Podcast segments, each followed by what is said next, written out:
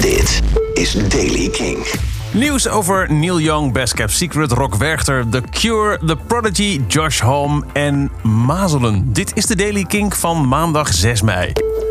Neil Young heeft een nieuw boek aangekondigd over zijn inspanningen om de kwaliteit van digitale muziek te verbeteren. Het boek gaat heten To Feel the Music: A Songwriter's Quest to Save High Quality Audio. is geschreven door Young en Phil Baker en komt op 9 september uit. Volgens Young vertelt het boek het verhaal van de ontwikkeling van Pono, zijn gevlopte draagbare digitale mediaspeler, evenals de Neil Young Archives en Xstream, Neil's hoge resolutie streamingplatform.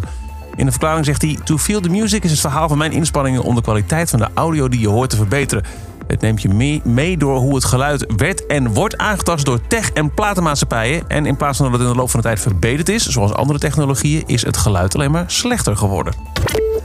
Het terrein van Best Kept Secret ziet er dit jaar anders uit dan voorgaande jaren. Dat meldt FestiLeaks. Er komen drie nieuwe locaties bij, waaronder één nieuw podium. Dat heet een Seven. Dat biedt plaats aan experimentele muziek en ligt vlakbij Cashba en Free.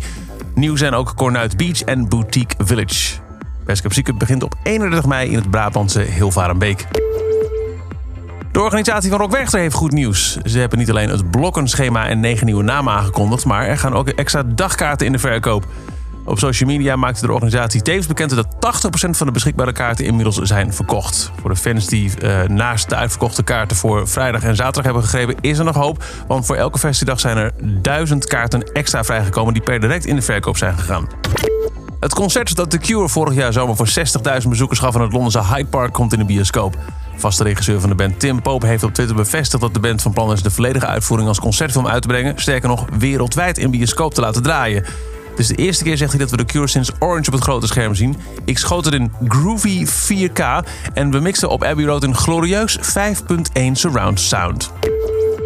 Voormalig Prodigy-lid Giz Bud heeft aangekondigd dat het geplande eerbetoon aan Keith Flint op Glastonbury op het Shangri-La-podium is geannuleerd. Giz Bud was in de jaren 90 live-gitarist voor The Prodigy en zou komende maand de DJ Keith Flint Appreciation Hour set op Worthy Farm uitvoeren. Giz, echternaam Graham Budd, heeft gisteren op Facebook bekendgemaakt het eerbetoon te cancelen, omdat mensen het zouden zien als een daad van zelfpromotie en, zo zegt hij, dat heb ik nooit gewild. De laatste keer dat we horen van George Holm verspreidde hij de feestvreugde met een serie kerstliedjes. Nu is hij terug met het nieuws dat hij de langlopende Desert Sessions nieuw leven in wil blazen.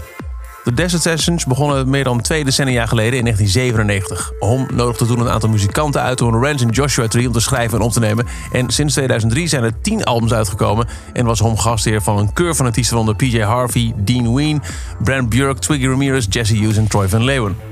Bij Desert Sessions zegt Josh Hom, speel je voor de muziek. Dat is waarom we zo goed als muzikanten. Want er komt een dag dat je dat misschien niet meer voelt. Dat het niet meer je drijfveer is.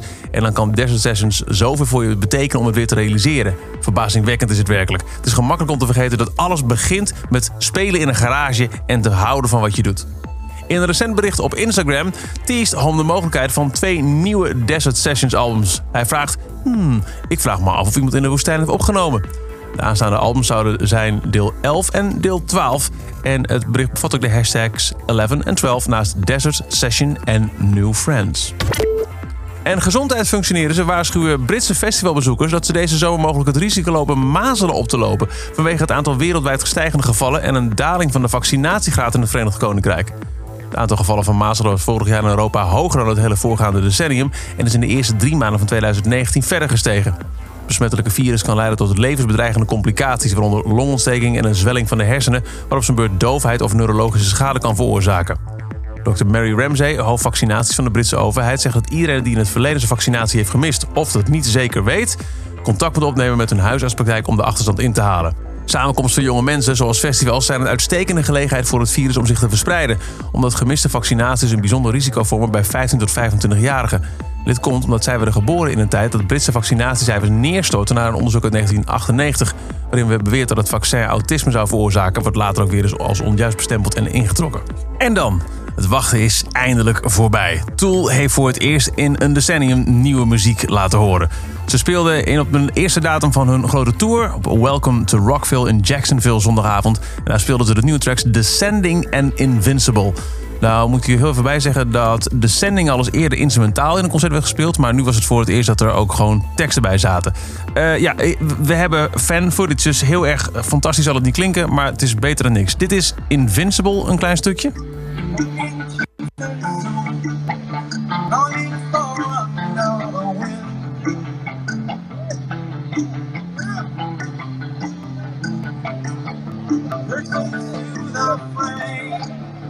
Echt als een natte krant. Je moet het echt maar doen met eh, geloof me dat het echt is. Hier nog een andere video van Invincible die hopelijk iets beter klinkt. Nee. en dan is er dus ook eh, de nieuwe track Descending. En ook die klinkt als een natte krant op deze fanvideo.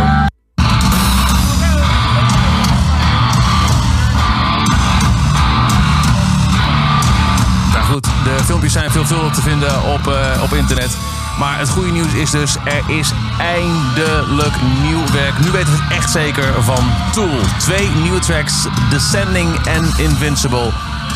Zullen waarschijnlijk op het nieuwe album staan. Het eerste sinds 2006 dat later dit jaar naar alle verwachtingen uitkomt. Tool is terug. Tot zover de Daily Kink van maandag 6 mei. Elke dag op de hoogte van het laatste muzieknieuws en de releases. Dat kan mis niks door dag in dag uit te luisteren via kink.nl. De Daily Kink te volgen via het Kink-kanaal op Deezer, in Spotify of je favoriete podcast-app. Elke dag het laatste muzieknieuws en de belangrijkste releases in de Daily Kink. Check hem op kink.nl of vraag om Daily Kink aan je smart speaker.